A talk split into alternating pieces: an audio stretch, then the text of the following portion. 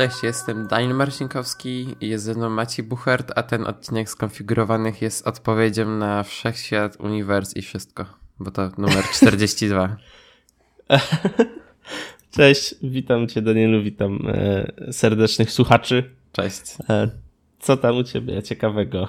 A, wróciłem w piątek z Lizbony, więc cały tydzień nie robiłem nic poza chodzeniem i nabijaniem e, pierścieni na Apple Watchu, co mi poszło całkiem nieźle. Pobiłem życiowy rekord. A, mm. Nabijając no, chyba 27 tysięcy kroków. Z tego co pamiętam, tyle samo nabiłem, jak byłem w Wenecji kiedyś. A... To, ci powiem, że u mnie rekord na e, tym, na mi będzie to jest 35 tysięcy. O oh shit. Nice. No. Ja cały czas e, nie udało mi się niestety zrobić tego. E, a nie, zrobiłem ten potrójne wypełnienie tych pierścieni, ale nie zrobiłem tego czterokrotnego. Niestety. E, tak, no, więc byłem jakby w Lizbonie, o czym też za chwilę będę mówił trochę zahaczając przy kolejnym temacie. No, i było cieplutko, a w Warszawie jest zimno i jest strasznie. No, a co u ciebie? Ja nigdzie za to nie byłem. I w sumie to nic się ciekawego takiego nie działo przy, przyjechały do mnie te żaróweczki, o których mówiłem e, wcześniej i, i, i na nich temat powiem trochę i, i w sumie tyle. No dobra. Kurczę, zapowiedzieliśmy o czym będzie w odcinku. Powinniśmy tak zawsze w sumie robić. No, to wtedy każdy, kto stwierdzi, że wie o czym będzie odcinek, już by wyłączył, a i, nie, i, i ten a innych mogę zachęcić, można. Tak. W sumie to jest dobre. Musimy, musimy o tym e, pomyśleć, żeby jakoś to zapowiadać. No, ogólnie będzie i o samochodach elektrycznych, i o IoT, więc wszystko jest na miejscu. Okej. Okay. No, to ja zacznę e, właśnie od tego pierwszego tematu, trochę związanego z Lizboną. A chodzi o Ubera i o usługę, która działa w Lizbonie, która się nazywa Uber Green. I jak można się domyślić trochę z nazwy, jest to elektryczny Uber. Można w Lizbonie zamówić elektrycznego Ubera, który kosztuje tyle samo co zwykły Uber X. I w ramach niego można pojechać e, tak, Nissanem Leafem, którym ja jechałem cztery razy i to był jedyny samochód, jakim tam jechałem. Był jeszcze Renault Zoe, taki ze śmiesznymi światłami takimi niebieskimi. I z tego, co mi kierowca opowiadał, była jeszcze jakaś Kia i coś jeszcze, ale nie pamiętam co. Na pewno nie było BMW i3 ze względu na to, że do i3 chyba mogą wejść tylko cztery osoby, a to jak, tak, tego typu samochody nie mogą jeździć w Uberze po prostu. No, więc jakby jeździliśmy sobie po Lizbonie Leafami i tamtejsi kierowcy byli super. Mm, ja dawno nie jechałem w sumie Uberem, więc nie wiem, jak się, czy standardy się poprawiły, czy pogorszyły. Wiesz co, no ja właśnie w Lizbonie tam jeździłem i było bardzo ok. W drodze na Modlin musiałem niestety podjechać Uberem z tego, ze stacji kolejowej, bo nam autobus odjechał e, jeszcze przed przyjazdem pociągu, więc e, super robota koleje mazowieckie. E, ale właśnie w drugą stronę jeszcze z Modlinem wracaliśmy już Uberem i w sumie to nie wyszło jakoś wiele drożej niż to, jakbyśmy zapłacili za pociąg. E, no, a tak to bardzo, bardzo pozytywne wrażenie i w sumie chciałbym, żeby w Warszawie były te elektryczne Ubery. Ale w sumie w Lizbonie mnie akurat nie dziwi, że jest taka usługa, bo tam gdziekolwiek się nie spojrzy są samochody elektryczne. Co prawda to nie są Tesla, bo Tesla widziałem dwa razy, z czego e, raz to było jak byłem w salonie Tesli, a raz to, to rzeczywiście gdzieś tam na ulicy widziałem. E, ale tak to właśnie jeździ bardzo dużo Leafów, bardzo dużo tych Renault e, Zoe. Jeździ sporo tych Renault takich malutkich. Nie mam pojęcia jak one się nazywają, one są chyba jednoosobowe nawet. To ich widziałem parę sztuk. Bardzo dużo i trójek jeździ. I sporo smartów elektrycznych. Ogólnie gdzieś się nie spojrzy w Lizbonie są smarty. Tam smart to jest chyba pierwszy samochód, e, jaki ludzie kupują. W sensie pierwszy wybór to jest smart, biorąc pod uwagę jak dużo ich tam jeździ w Lizbonie. Mhm. No tam są też tak ciasne ulice, że w sumie nie dziwi, że ludzie wybierają smarta. Czy to kapi? Tak, to kapi właśnie. Spoko. No. A... E... I tych ładowarek elektrycznych też bardzo dużo widać w Lizbonie i właśnie trochę żałuję, że Tesli tak dużo nie widziałem. Ale też potem jak rozmawiałem z kierowcą Bera, to mi mówił, że Tesla są jak najbardziej tylko w innej części miasta, nie, nie za bardzo w centrum. Mhm. Ja w sumie, kurde, sporo widzę tych Tesli w Poznaniu, ale no, jest bardzo je widzę z reguły to je widzę w trakcie jazdy, więc nawet nie mogę e, cyknąć e, fotki, nie? Wiesz, w Warszawie jest o tyle łatwo, że często stoją w korku, e, więc łatwo jest im nie zrobić zdjęcie, ale tak to zaparkowanych faktycznie mało widać. No, ja, ja tylko widzę w trakcie jazdy. No ja... Mm, znaczy ja widziałem parę razy, a tak to... Ostatnio nawet, wiesz, było tak, że... Mm, Tesla stanęła na lewoskręcie, ja, stanął, ja stanąłem na pasie do jazdy prosto i specjalnie od, usuni, ten, opuściłem szybę, żeby usłyszeć, jak, jak w ogóle ją słychać, nie? Hmm. Tak z, z boku. Kurde, no nie słychać praktycznie w takim, w takim szumie, e, w zgiełku miasta w ogóle tego nie słychać, nie? No ogólnie to był pierwszy raz, kiedy jechałem samochodem elektrycznym w ogóle i samo wrażenie, to jest tak cicha podróż, to jest to nieporównywalne do tego, jakby co doświadczyłem dotychczas jeżdżąc samochodem. E, no po prostu jest cichutko, nic nie słychać. Jest do takiego momentu, do takiego stopnia cicho, że czasem jak się jedzie szybko, to jedyne co słychać to jest wiatr obijający się o samochód. No i oczywiście koła. Super. Mm. A a jak tam właśnie jazdy, bo ty mówiłeś, że będziesz jeździł z prezesem z tego yy, Teslą, bo kupił na firmę, nie? A, a, to nie, to jeszcze nie jeździłem i opowiem jak będę jeździł. Okej. Okay. Jeszcze nie miałem okazji. Mm, no dobra. No, także jak fajnie, będziecie... Fajnie, w... przynajmniej... No, no, no. No mów, mów, mów, mów. Także jak będziecie w Lizbonie, to polecam się przejechać Uberem Green, bo jakby kosztuje tyle samo co zwykłe. A, ale może w innych miastach też jest coś tam widziałem, że w Curychu chyba jest albo był. Mm, no, właśnie jakoś tak nie, nigdy wcześniej nie słyszałem o tym, że jest Uber Green. Ty mi dopiero teraz y, o tym opowiedziałeś i jakby chyba za mało jest to wypromowane według mnie. Nawet, no, jeśli nawet jeśli... Ja się dowiedziałem właśnie, jak e, się szykowaliśmy do podróży. No właśnie i jak dla mnie to powinno być to chyba nawet na, na skalę światową wypromowane, bo to jest dobra promocja miasta, nie? W sensie e, jeśli ktoś jest takim, interesuje się autami elektrycznymi, no to możliwość przejechania się autem elektrycznym przy okazji zwiedzając tam załóżmy Lizbonę jest bardzo dobrą informacją. W sensie ja bym na przykład bardziej był przekonany do, do zwiedzenia Lizbony, tylko po to, żeby móc tam później przejechać e, tą Teslą, nie? Wiesz co, ja mam też wrażenie, że jakby dostępność tych samochodów elektrycznych jest uzależniona, nie wiem, od jakichś przepisów, które są w konkretnych miastach. W sensie, jeżeli jakieś miasto wymaga, że wjazd do centrum jest dozwolony tylko dla samochodów hybrydowych i elektrycznych, no to wtedy jakby są elektryki e, rozważane przez Ubera, żeby wprowadzić. Tak samo jest jak w Warszawie się zamówi Ubera na Nowy Świat, albo przynajmniej tak było, nie wiem jak jest teraz. Wcześniej było tak, że jeżeli się zamówiło Ubera na Nowym Świecie, to wtedy jechał do ciebie hybrydowy samochód. Mhm. Bo hybrydowe mogą wjeżdżać e, na Nowy Świat. Przynajmniej mogły, bo teraz się te przepisy trochę zmieniły. A tak to żadne spalinowe nie może?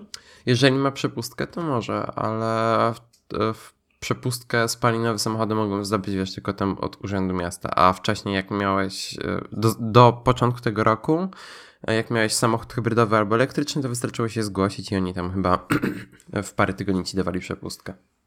Mhm. No okej, okay. fajnie. Ja, dobrze, żeby o tym wiedzieć, bo przynajmniej będę miał jakiś argument, żeby pojechać do Lizbony. Mm, no, polecam. Znaczy wiesz, to są tylko lify, ale i, i tak bardzo fajnie się tym jechało. Cichutko, to na pewno. Mhm. Ja mam jeszcze jeden temat związany z samochodami elektrycznymi, jak, jak żeby inaczej. Chodzi o jeden konkretny samochód, który aktualnie jest 3 miliony 400 tysięcy kilometrów od Ziemi, czyli wi wiadomo, że chodzi o Roadstera e, Ilona. A chodzi konkretnie o stronę Where is Roadster, na której możecie sprawdzić dane dotyczące Roadstera, w sensie gdzie obecnie się znajduje, jaka jest jego trajektoria, kiedy konkretnie będzie w pobliżu Marsa, z jaką prędkością leci. ogólnie jest całkiem, całkiem masa ciekawych danych. E, I ta strona podobno nie jest w, żadnym, w żaden sposób związana ze SpaceX i z Elonem Muskiem, e, więc w sumie nie wiem skąd mają te dane.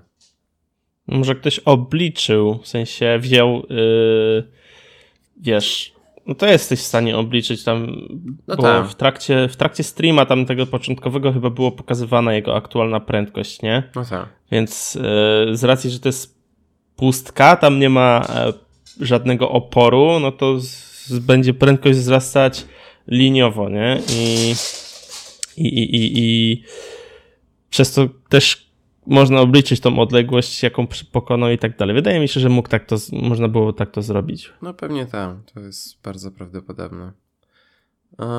No ogólnie strona jest ciekawa, więc jeżeli interesuje Was, gdzie się znajduje Tesla i gdzie będzie się znajdowało za um, dwa lata, to, to polecam zajrzeć. Mm. W ogóle widać, że to nie jest strona te, od Tesli, bo no, jak, jak, wygląda, tak wygląda, nie? No, nie wygląda najlepiej. no. Um, no. Okay. Tak, to w kwestii Roadstera to tyle. Będziemy relacjonowali tę podróż na bieżąco. ja mam jeszcze jeden temat już kompletnie niezwiązany.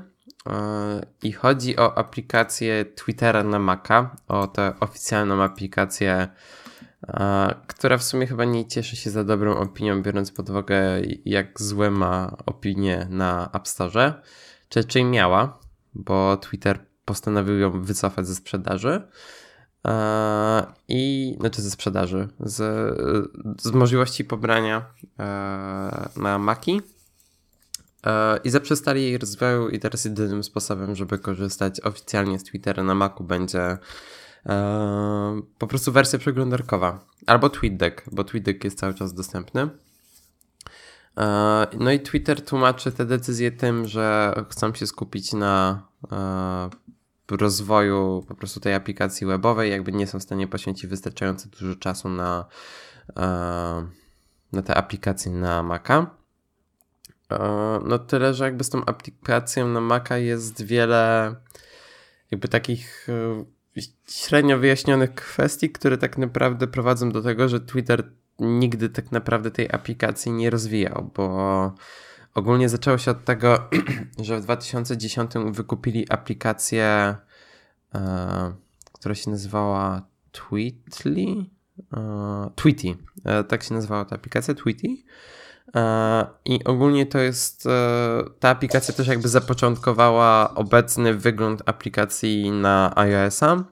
E, I jakby deweloper ten też rozwijał aplikację na Maca, która również została wykupiona przez Twittera.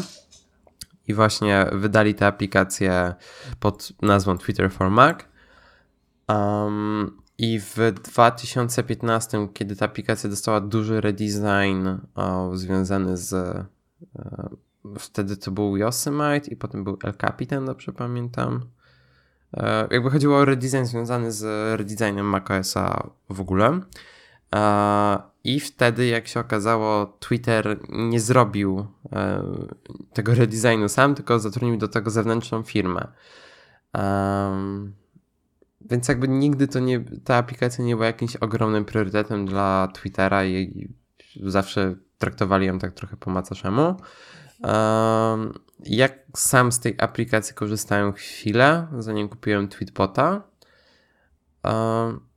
ale pamiętam, że się chyba wkurzyłem na brak tych możliwości wyciszenia i wtedy zdecydowałem się na zakup Tweetbota. No i teraz tak naprawdę jedyne opcje, jeżeli chcecie mieć cały czas aplikację do Twittera na Macu, a nie korzystać z wersji webowej, no to cały czas jest właśnie TweetDeck, o którym przed chwilą mówiłem, jest Tweetbot, Twitterific, no i parę innych aplikacji, ale tak naprawdę Tweetbot i Twitterific to są takie pierwsze, pierwsze wybory. Chociaż e, Twitterific tak naprawdę dopiero co miał premierę i z tego co pamiętam jeszcze parę funkcji mu brakuje, plus jest paskudny. Jakby to jest chyba najbrzydsza aplikacja na Maca, jaką widziałem, więc e, ja z mojego, z mojego doświadczenia rekomenduję Tweetbota, który też nie jest jakiś za piękny, ale działa naprawdę dobrze. Ja jak. Znaczy, ja tylko używam Tweetbota na iPhone'ie, a wszędzie indziej y, używam weba. Tylko dlatego, że nie chce mi się aplikacji mieć. A czy na Windowsa nie ma właśnie tej aplikacji? Z tego co pamiętam, ona była całkiem ok. Jest, jest, jest, ale właśnie zastanawia mnie, jak wygląda teraz jej wsparcie, bo skoro na macOSa nie rozwijają, no to wiesz, jakby z tego co wiem, to ten Twitter na Windowsa to nie jest y, zwykły import y, weba, nie? Mhm. No to jest chyba I... po prostu Universal Windows App. Tak. Mm. Chociaż nie, no to jest jakaś tam aplikacja, nie? Bardzo, bardzo prosta i jakby nie posiadająca za, za dużo funkcji, ale fakt faktem jest, jest. No właśnie, chyba też nie ma tych funkcji, które ciebie przynajmniej wkurzały, nie? Czy brak blokowania kolejnych, konkretnych tagów, czy tam tweetów, nie? Mhm. Także no, ta aplikacja na, Maca, na, znaczy na Windowsa nigdy nie była dobra. No ja z tej Macowej, tak mówię, tylko chwilę korzystałem, więc... O, w ogóle ta, ta Windowsowa jest dostępna na HoloLens. Po co, to nie wiem. No możesz tweetować mając HoloLens założony. Eee, Okej. Okay. Ja, ja ostatnio tweetowałem z y, Google Home'a. O. W sensie fakt faktem musisz to mówić po angielsku, te tweety. Eee, no ale fakt faktem e, da się, nie? Ja Apple Watcha mogę po polsku. Mm. Tylko muszę odpalić najpierw Tweetbota, który jest na Apple Watcha, a nie tak jak oficjalna aplikacja Twittera, która została wycofana. Uh, muszę użyć tego Force Touch i mogę tweetować. No, bo on używa tego, tego, tego dyktowania, nie? Tak, tak. No to nawet nie jest przez Siri. No, dokładnie. E, jakby mm, z tego, co się dowiedziałem, to w Polsce ma być ten mm, Google Assistant po polsku w 2018, więc y, może nie będę musiał już tweetować z Google Home'a po angielsku. Kurczę, jakby wprowadzili tego asystenta, to mogliby wprowadzić Google Home. Jakby wprowadzili Google Home, to mogliby wprowadzić Google Store. Jakby wprowadzili Google Store, to mogliby wprowadzić Pixele. E, mówisz, że to tak lawinowo tak, wejdzie do Polski? Mam nadzieję, że tak. Znaczy, nie żebym mm. nagle zaczął to kupować, ale, ale byłoby miło. No, fajnie, no. Kurde, fajnie by było. No. E, no dobra. To tyle, jeżeli chodzi o Twittera na Maca. Jakby ten temat już się nie pojawi, bo nie żyje ta aplikacja, więc. Ale a propos Google'a.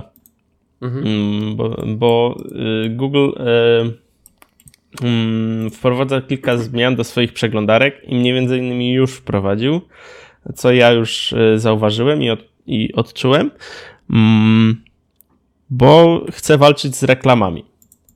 Jakby trochę takie, trochę taka dziwne zachowanie Google, bo sami są, jakby żyją z reklam e, i, i to jest ich bardzo duży przychód. E, to są właśnie głównie reklamy. Mm, no i Google jednak postanowiło zwiększyć standardy, które prezentują się na stronach internetowych odnośnie reklam e, i od 15 lutego będzie blokować takie reklamy jak e, pop-upy, wideo z dźwiękiem automatycznie odtwarzane, mm, odliczanie, w sensie takie reklamy, które można wyłączyć po jakimś tam czasie. I takie duże przyklejone reklamy. Myślę, że to są takie takiego coś rodzaju banery. Mm, tych banery takie na samej górze, gdzie zasłaniają ci czwarte kontentu, nie? Jak na Spidersweb. Mm, nie chciałem tego mówić, ale okej, okay. o to chodziło. Um, no i co jeszcze ważne, y, Chrome wprowadza taki silnik blokowania reklam, który pozwoli im na rozwijanie tych filtrów bez konieczności jakichś tam upgrade'ów e, samej przeglądarki. Um,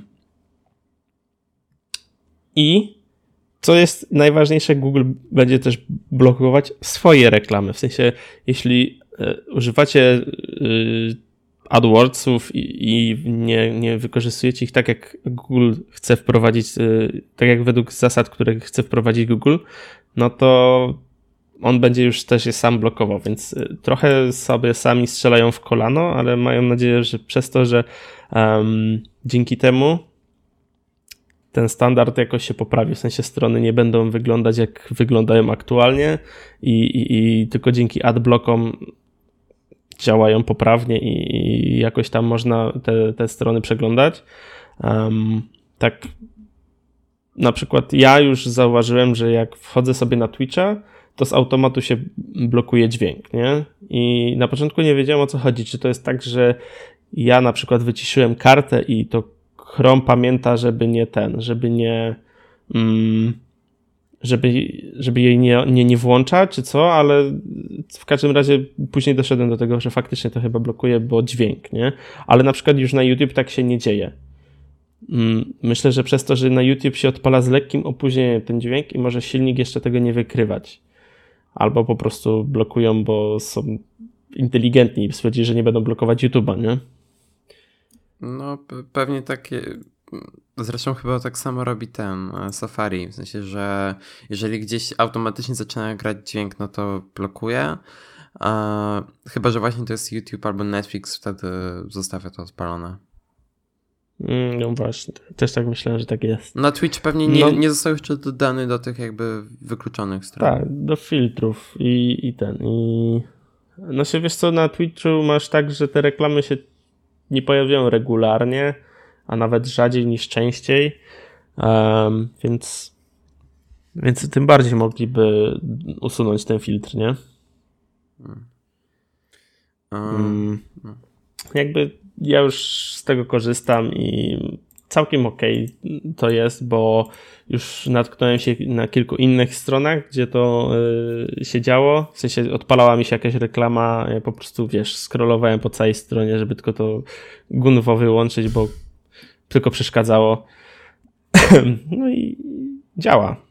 Tyle mm. powiem. Ja używam na Maca i na iPhone'a content blockera, który się nazywa OneBlocker, chyba nawet wspomniałem o nim kiedyś. Uh-huh, uh-huh. no i jakby on jest idealny, w sensie działa bardzo dobrze. Jedyny minus jest taki, że nie działa na Chromie, więc jeżeli jest taka sytuacja, że muszę Chroma użyć, no to, to, to, to niestety płaczę, bo nie wiem, to, ten konto API Content Blocker działa naprawdę dobrze. Jakby, jeżeli jakaś reklama mi wyskakuje, no to e, nie dzieje się to za często. E, teraz te YouTube'owe reklamy nawet mi nie za bardzo wyskakują. E, ale oczywiście mam parę wyjątków dodanych, między innymi Onet, bo Onet ma takie blokowanie adblocków, że ciężko jest wejść na tę stronę z włączonym adblockiem, niestety. Woj, Woj, Wojtek Wiman tam zakucował. tak. A, no, a poza tym to nie wiem, ja nie jestem jakimś przeciwnikiem adblocków. W sensie jest tyle innych sposobów na zarabianiu na treści w internecie, że wydaje mi się, że reklamy takie banerowe nie są w żadnym stopniu e, koniecznością. Znaczy się, fakt, nie są koniecznością, e, ale reklama jest bardzo dużym przychodem dla firm. No tak, i... tylko w momencie jak ci blokuje cały widok strony, to to jest nie Tak, właśnie. No i tak, tak. I, bo, i właśnie to jest to, że mm, jak zaczął, zaczął powstawać pierwszy adblocker, to powstał mechanizm blokujący adblockera. I później powstał mechanizm blokujący, ad, blokujący adblockera, nie? W sensie, że nawet jeśli było, miałeś na stronie informację, używasz adblocka, wyłącz go, bo nie zobaczysz treści, to i tak jeszcze były mechanizmy, które to blokowały. No i zamiast pomyśleć, w sensie ci reklamo, ci, którzy wrzucali te reklamy na stronę, zamiast pomyśleć, co robią nie tak, no to właśnie zwalczali reklamy, nie? I jakby myślę, że to, to, to chce zrobić Google. Chce uświadomić tych ludzi, którzy wrzucają reklamy, że nie jest ważna ilość tych reklam, tylko jakość, żeby trafić do jak największej ilości ludzi, nie? Także zobaczymy, jak to będzie na, na, na rzeczy za kilka miesięcy, bo myślę, że w, w ciągu kilku miesięcy, może nawet kilku tygodni, e, na razie będzie budowany ten system filtrów, tak żeby te, cały internet odpowiednio pofiltrować. Mm, no i wtedy albo będziemy mogli zrezygnować na Chromax totalnie z, jakiegokolwiek adblockera, albo nadal go używać, bo Google zrobi coś źle, ale chociaż nie zakładam. A powiedz mi, czy w Chromie jest już coś w rodzaju takiego trybu czytania jak w Safari? Tryb czytania. Hmm. Wiesz o co mi chodzi, że jeżeli jesteś tak, na, mam, na stronie Tak, Safari, wiem o co chodzi, jakby wszystko ci usuwa, tylko zostawia ci samą treść y, strony. Mhm. Bo ja bez tego nie jestem w stanie wejść na niektóre strony. W sensie ilość reklam, które blokują wręcz artykuł, jak jest wyświetlana. Rozpraszaczy. No, to, to jest straszne. Najgorzej jeszcze jak są jakieś animacje. Hmm, nie, nie widzę, ale może jest jakiś dodatek. Wiesz. Wiem, że Evernote ma coś takiego i ja pamiętam, że jak używałem jeszcze Chromebooka, to korzystałem z tej wtyczki Evernote'owej i ona działa bardzo dobrze. Mhm. Ja jakby wolę, znaczy jak czytam coś, to wolę sobie to dodać do Instapapera. Um, I tam to przeczytać. Ja też, tylko wiesz, że czasem czytam sobie jakiś krótki artykuł, nie wiem, w pracy i to jest rzecz, którą muszę przeczytać teraz uh, i nie muszę dodawać tego do Instapaper, więc po prostu sobie klikam ten znaczek e, i zapisuję i odpalam sobie w tym trybie czytania. Mhm. Uh, czasem nawet na, jak czytam artykuł na Medium i mnie ten interfejs Medium wkurza, to włączam. Albo nie wiem, jak to, ktoś dodał strasznie dużo gifów do artykułu i strasznie rozpraszają mnie, jak czytam, to też sobie odpalam ten tryb czytania. E, mhm. Wiesz co, bo jak ten, jak masz chyba ten one blocker, to możesz kliknąć tam prawym przyciskiem i zablokować ten, ten content. Tak, nie? tak, mogę. E, na iPhone też to działa. Wystarczy przytrzymać e, tym przytrzymać. Pa- e, znaczy nie, tam chyba włączysz przez share, share sheet tak, e, tak. tę wtyczkę i... i sobie zaznaczasz, co tam macie usunąć. Mhm. Mhm, dokładnie. No okej. Okay. Jakby ode mnie w te, tyle w temacie. Cieszę się, że bo też Apple jakby stawia standardy reklam. E, tak też robi to Google i fajnie jest, że jakby oni nie walczą ze sobą, tylko tak naprawdę współpracują o lepszy internet Mm. Tak, no ale reklamodawcy trochę na tym cierpią. Trudno, nie obchodzi mnie to. Wymyślą lepsze sposoby na zarabianie niż same y, te stawianie miliarda reklam i, i tak dalej, i tak dalej, nie? Znaczy wiesz, ja z doświadczenia zawodowego widzę, że na Facebooku, na przykład jak teraz ten algorytm się zmienił, to e, zasięgi na, strasznie lecą w dół.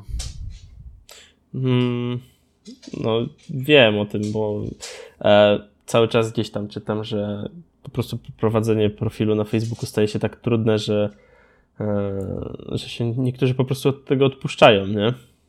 No jest, jest ciężko. Ja na przykład mój, bo mam taką stronę moją, w sensie Daniel Marcinkowski, żeby mieć e, na Instagramie to profil biznesowy i w sumie tam nic nie wrzucam i chyba nawet zablokuję tę stronę i W sensie nie, nie widzę sensu prowadzenia Facebooka kompletnie. No właśnie. E, także co ci mogę powiedzieć? Ja nigdy nie prowadziłem żadnego profilu no, na Facebooku. Ja parę tak, Takiego ambitniejszego, więc y, nie do końca wiem, jakie to jest uczucie, jak się traci zasięgi jakoś tak, wiesz, z dnia na dzień, nie? No, niemiło. No, zapewne. No. Dobra, możemy przejść do kolejnego tematu, który jest taki z naszych ulubionych kategorii, czyli IoT. A mianowicie przyszły do mnie te żaróweczki Xiaomi Philips LED Bulb. Wdzięczna nazwa. W każdym razie one są brandowane w 100% Philipsem, nie? I na pudełku, i na samej żarówce jest Philips, i, i ten. I. Mm, no i tak jak kiedyś mówiłem, że dla mnie żarówka to jest jednak głupia, żarówka, inteligentna żarówka to jest głupia żarówka, a tak, tak to podtrzymuję z jednego prostego powodu. E, pierwszy dzień tam bawiłem się żarówką. Ja już sobie leżałem sobie w łóżku, się bawiłem tam, wiesz, zmieniałem jasność, zmieniałem temperaturę, bo to można robić w, akurat w tej żarówce. I Natalia przyszła, zgasiła światło, ja mówię, aha, to się pobawiłem. po prostu, wiesz, jakby no, żarówka inteligentna kończy, swoj, swoją, kończy się jej inteligencja na, na włączniku, który masz na ścianie, nie? Jakby nie ma żadnego do, do, do dodanego elementu, ten, dodanego systemu, żebyś mógł sobie, nie wiem, nakleić coś na, tym na tę ścianę czy coś. Po prostu musisz pamiętać, żeby albo ją wyłączać z telefonu, albo jej w ogóle nie wyłączać, nie? No bo Hue ogólnie ma takie przełączniki, które możesz sobie osobno przykleić. No właśnie, o, o, integracji też jest, y, integracja też ma wiele do życzenia, bo po pierwsze nie działa z systemem Philips Hue ta żarówka, a, a mogłaby. Okay. Nie działa z HomeKitem, nie działa z Google Assistant. A z Alexą? Yy, chyba też nie. Hmm. Także, także, także no działa tylko z tym tym Mi Home, czyli wiesz, tylko zwykła aplikacja od, y, od Xiaomi, która e, pozwala na sterowanie tymi żarówkami, nie? W sensie musisz wejść do aplikacji, e, musisz e, musisz tam po, wejść w konkretną żarówkę i musisz dopiero wtedy możesz posterować czy to temperaturą, czy jasnością, nie? Co jest jeszcze złe, żarówka nie świeci za mocno. Ma 350 lumenów, więc to nie jest jakoś super jasne światło i to mega mi przeszkadza. Um, ale co jest jeszcze lepsze? Poczytałem sobie trochę właśnie o integracji z, mm, z Google, nie, nie, z Google Assistant, tylko z, z HomeKitem. No i da się.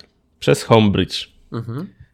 Homebridge właśnie to jest takie, to jest takie narzędzie, które się instaluje na Raspberry i ono pozwala jakby z, wrzucić do HomeKita wszystko, co nie jest na HomeKita, czyli tam jakieś na przykład ten Xiaomi AirProofer, można dodać jakieś tam różne kamerki e, internetowe, w sensie te takie do monitoringu domu.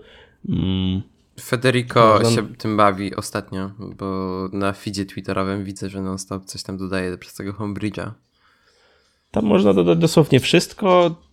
Ważne, żeby tylko to, znaczy tam, to jest tak, że sobie googlujecie, doda, wpisujecie sobie nazwę waszego urządzenia, takiego e, smart, dodajecie Homebridge i generalnie zabawa kończy się na tym, że instalujecie do, na Raspberry, doinstalowujecie jakąś tam e, paczkę, dokonfigurują samą tą, e, samą tą, mm, to urządzenie też dodajecie, restart Homebridge'a i urządzenie powinno wam się pojawić w mm, aplikacji HomeKicie. Tak. I generalnie wszystko fajnie, tylko tak, żeby ja mógł dodać żarówkę Xiaomi T Philips, to muszę mieć telefon z Androidem zrutowany. Okej. Okay. Czemu? Czemu? Bo jakby trochę poszli, w, wydaje mi się, że w bezpieczeństwo tego, bo um, jeśli ty łączysz się z żarówką, e, tam przy konfiguracji, to w aplikacji Mi Home tworzy się token, żeby nie każdy, kto e, zna się bardziej na sieciach i na kodowaniu, żeby nie każdy mógł sterować ci tą żarówką, to jest generowany pojedynczy token. E, I token jest zapisany gdzieś tam w plikach Androida jeśli masz zrutowany ten telefon z systemem Android, no to jesteś w stanie się do, do, dostać do tej bazy urządzeń i sobie wyciągnąć ten token. No i tym to, token, ten token też jest potrzebny, żeby wrzucić ją do konfiguracji Homebridge'a, żeby Homebridge mógł e, sterować e, tym światłem. Hmm. Rozumiesz? Trochę, ale wydaje mi się, że jest możliwe skonfigurowanie tego mimo wszystko bez telefonu z Androidem. E, no nie da się, przynajmniej jak ja czytałem jakieś tam ich instrukcje, jak to zrobić i tak dalej, no to powiedzieli, że albo a, a, a, telefon z Androidem, albo wir, zwirtualizować Androida hmm. na jakimś tam, jakąś tam aplikację.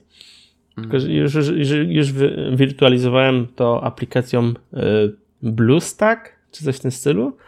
Mm, to normalnie instalujesz właśnie androidowe aplikacje i normalnie też można niby zrutować e, ten system, ale jakoś mi tego nie, to nie wychodziło i generalnie się mega poddałem. E, w pracy mam znajomego, którym powiedział, że a dobra, to ja se zrutuję, bo on ma Xiaomi, jakiś tam Redmi, coś tam. Um, powiedział, że on zrutuje, zalogujesz się i, i ten, i sobie zgrasz te, te, te, te, te tokeny. Także na razie te żarówki, e, te inteligentne żarówki są zwykłymi żarówkami. W sumie jak je dodam do HomeKita, to chyba raczej będą tak samo inteligentne jak moje aktualne w innych pomieszczeniach. Bo no, kurde, mega przeszkadza to, że to kurde musi być podłączone, nie można tego przyłączać w ścianie. I dlatego system Fibaro i to, które ja piszę ze znajomym jest o, o krok dalej, zawsze będzie o krok dalej od tych żarówek. Mm. No niestety, chciałem dać szansę żarówkom, nie wyszło. Hmm. Hmm. Jeszcze w kwestii konfiguracji z tym, z Homebridge'em, to może się odezwać do Michała Gapińskiego. E, on się tak e, w tym, w Homebridge'u i w HomeKicie specjalizuje. No, ale to wiesz, to już na, kwestia, bo sam Homebridge mi działa, nie? I to już kwestia na zasadzie e, tego, jak zostało zbudowane aplikacja pod te żarówki, nie? I co ci mogę powiedzieć? Muszę mieć ten token, bo inaczej to nie zadziała. Hmm. Bo tam w konfiguracji wpisujesz jej adres IP, e, no i właśnie ten token, nie? Żeby to mogło się skomunikować, bo inaczej to nie działa w ogóle. I nic z tym już nie zrobisz. Nie pomalujesz, Daniel. Nie, nie ten kolor, co trzeba. No. Także jeszcze może, może dam jeszcze jakiś follow-up w następnym odcinku, jeśli się uda, a jeśli nie będzie follow-upu, to znaczy, że mi się nie udało i jestem wkurzony. Fakt faktem te żarówki nie są wcale drogie. No tam, jak ja kupowałem, to kosztowały 30, 34 zł chyba za sztukę. Wow, i nie potrzebujesz tego, bridge'a do tego. Mm, jakiego, no, mostka żadnego mm. nie potrzebujesz, bo to się łączy, bo to, konfiguracja jest całkiem prosta. A, co ważne, e, te żarówki komunikują się tylko po Wi-Fi 2,4 GHz, czego ja nie wiedziałem na początku i cały czas łączyłem do piątki. Mm -hmm. I wy, wywalała mi się konfiguracja, przez co musiałem resetować żarówkę, e, a reset też nie jest wcale objaśniony, do końca, jak to, jak to robić.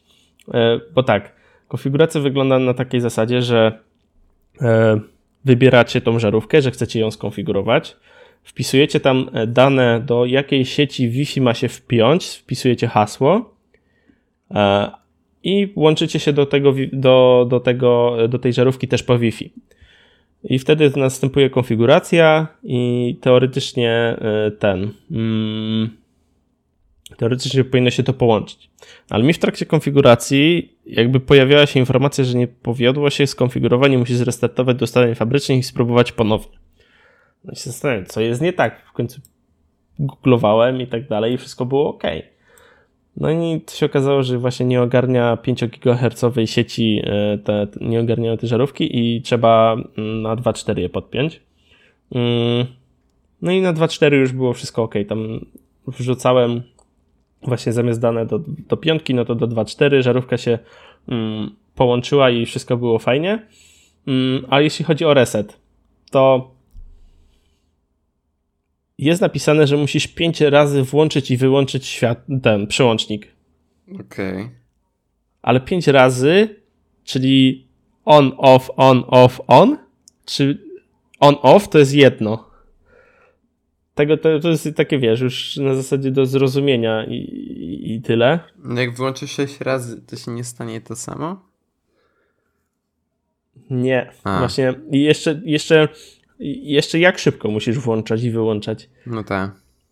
Bo to jak trzy razy, takie zrobiłem sobie trzy próby, że jest długie przełączanie. Mam na myśli tutaj, że kondensatory w środku musiały się rozłączyć i znaczy rozładować i przez to on czasami mógł czegoś nie policzyć. Mm. A mogło też być tak, że on nagle potrzebował jakichś pięciu szybkich przełączeń, nie rozumiałem tego do końca. No i okazało się właśnie, te, że te pięć szybkich um, było ok i, i, i ten. I, mm, I, się to pozwoliło mi na rest. Tak, zrestartowały się, kurde, już mi się język plącze i mm, no. I, I tyle w tym temacie. W sensie mm, instrukcje nie były do końca jasne, mm, dlatego też e, miałem z nimi problemy. Mój znajomy w ogóle ich nie, nie, nie podłączył, też miał w ogóle w trakcie konfiguracji po prostu wywalało błąd konfiguracji i nie, mógł, i nie udawało mu się nawet jej zrestartować do ustawień fabrycznych, także no. Tak tak to niestety bywa. Ja teraz widziałem, że, te, ten zestaw startowy od Hue, gdzie są dwie żarówki i bridge, jest za 260 zł. To już wychodzi dużo no taniej niż żarówki CK. Żarówki CK, ile taki zestaw startowy? No właśnie zestaw, tam... zestawu startowego już nie ma i musisz kupić osobno bridge, osobno żarówki i osobno jeszcze pilot do konfiguracji. No i żeby jakby zrobić taki zestaw, który będziesz mógł normalnie obsługiwać, to musisz wydać ponad 350 zł. No to ci powiem, że jeśli chcesz konkretnie pod HomeKita, to chyba jeden taki switch fibarowy kosztuje tam 200 albo 300 zł. Hmm. No wiesz, tak Hue się e, o tyle opłaca wziąć ten zestaw startowy, że do niego jesteś w stanie te żarówki IKEA podłączyć potem. No, bo to po tym samym protokole chyba rozmawia, mhm, nie? Tak, tak, tak. No, ale jakby dla mnie żarówki nie mają racji bytu, są inteligentne w połowie, w sensie jak działa, jak są włączone e, przez włącznik, to, to są ok, a jak już nie są włączone przez włącznik, to są głupie żarówki. E, no i tyle. Jak chce ktoś kupić, to proszę mi napisać na Twitterze albo na maila i wtedy będziemy mogli się dogadać. A, to będzie sprzedawał te żarówki. Znaczy nie, no nie wiem, czy będę sprzedawał. Jakby jeśli ktoś chce je bardziej niż ja, no to nie widzę problemu, żebym je mógł komuś sprzedać e, i, i, i, tyle. No spoko. Um, jeszcze jeden mam temacik, bo Daniel, ty miałeś Chromecasta. E, tak, miałem tego pierwszego, pierwszego. A... Taki, co wygląda jak dość, dość, trochę większy pendrive, nie? No, jakoś tak. A teraz moi rodzice mają tego e, drugiego. Mm, tego 2015. Tak, tego co wygląda jak krążek hokejowy. No właśnie, bo są dwa aktualnie na stronie e, Google Store. Tak, i jest, jest to Ultra jeszcze. Właśnie ten, jeszcze jest ten 2015 i jest Ultra. No i tak zastanawiam się, czym one się między sobą różnią. Um... No i ten Chromecast Ultra jest przeznaczony do jakości 4K. Tak. Ale dlaczego Chromecast 2015 przeznaczony do jakości Full HD ma y, wiwkę w technologii AC, a ten 4K nie ma? Serio? Tak. Znaczy, fakt faktem nie mogę wejść na specyfikację tego na, te, te, na tych urządzeń w Google Store, bo kurde, Google Store, jak nie jesteś w Ameryce, to nie możesz nawet przejrzeć ich konfiguracji i specyfikacji. Także wszedłem sobie na stronę XCOMu i na XCOMie jest napisane, że e, ten Ultra 4K ogarnia tylko technologię BGN. Nie, a, ma AC. Ten... Ultra ma. Właśnie jest Gdzie ty masz? na niemieckim Google Store. Mam ci wysłać screen. Wyślij mi linka. Okej. Okay. Wspiera AC. To y, XCOM ogarnie swoją specyfikację techniczną. Eee, czekaj, bo nie jestem pewny, czy ten e, Chromecast 2015 ten nie, nie 4K, czy on ma Wi-Fi 5 GHz? E, AC to jest tylko i wyłącznie 5 GHz. A, okej. Okay. bo pamiętam, że ten mój e, pierwszy, właśnie, że ten pierwszy Chromecast nie miał, e, przez co miałem trochę problemów z nim, czasem nie chciał się połączyć. No właśnie i zastanawiam się, jeśli masz jakieś doświadczenie z tym 2015, jak on działa? Znaczy, bo pewnie u rodziców... Dobrze, w sensie bezproblemowo.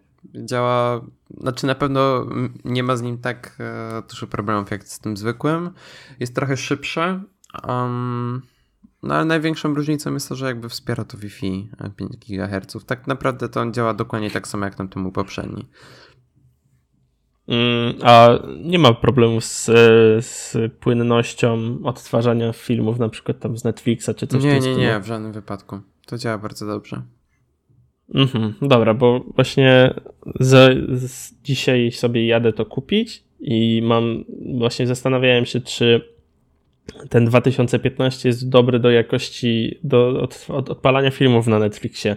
Fakt faktem, e, większość tam jest Full HD, e, więc e, sam telewizor też nie będzie 4K, więc tak byłem dosyć rozdarty, czy kupować ten 4K, czy nie kupować i tak dalej.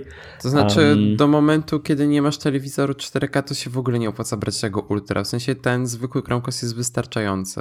Ja go używam głównie do Spotify, ale też mi się zdarzyło odpalać na nim filmy z Netflixa, na tym pierwszej generacji i działało wszystko bez problemu.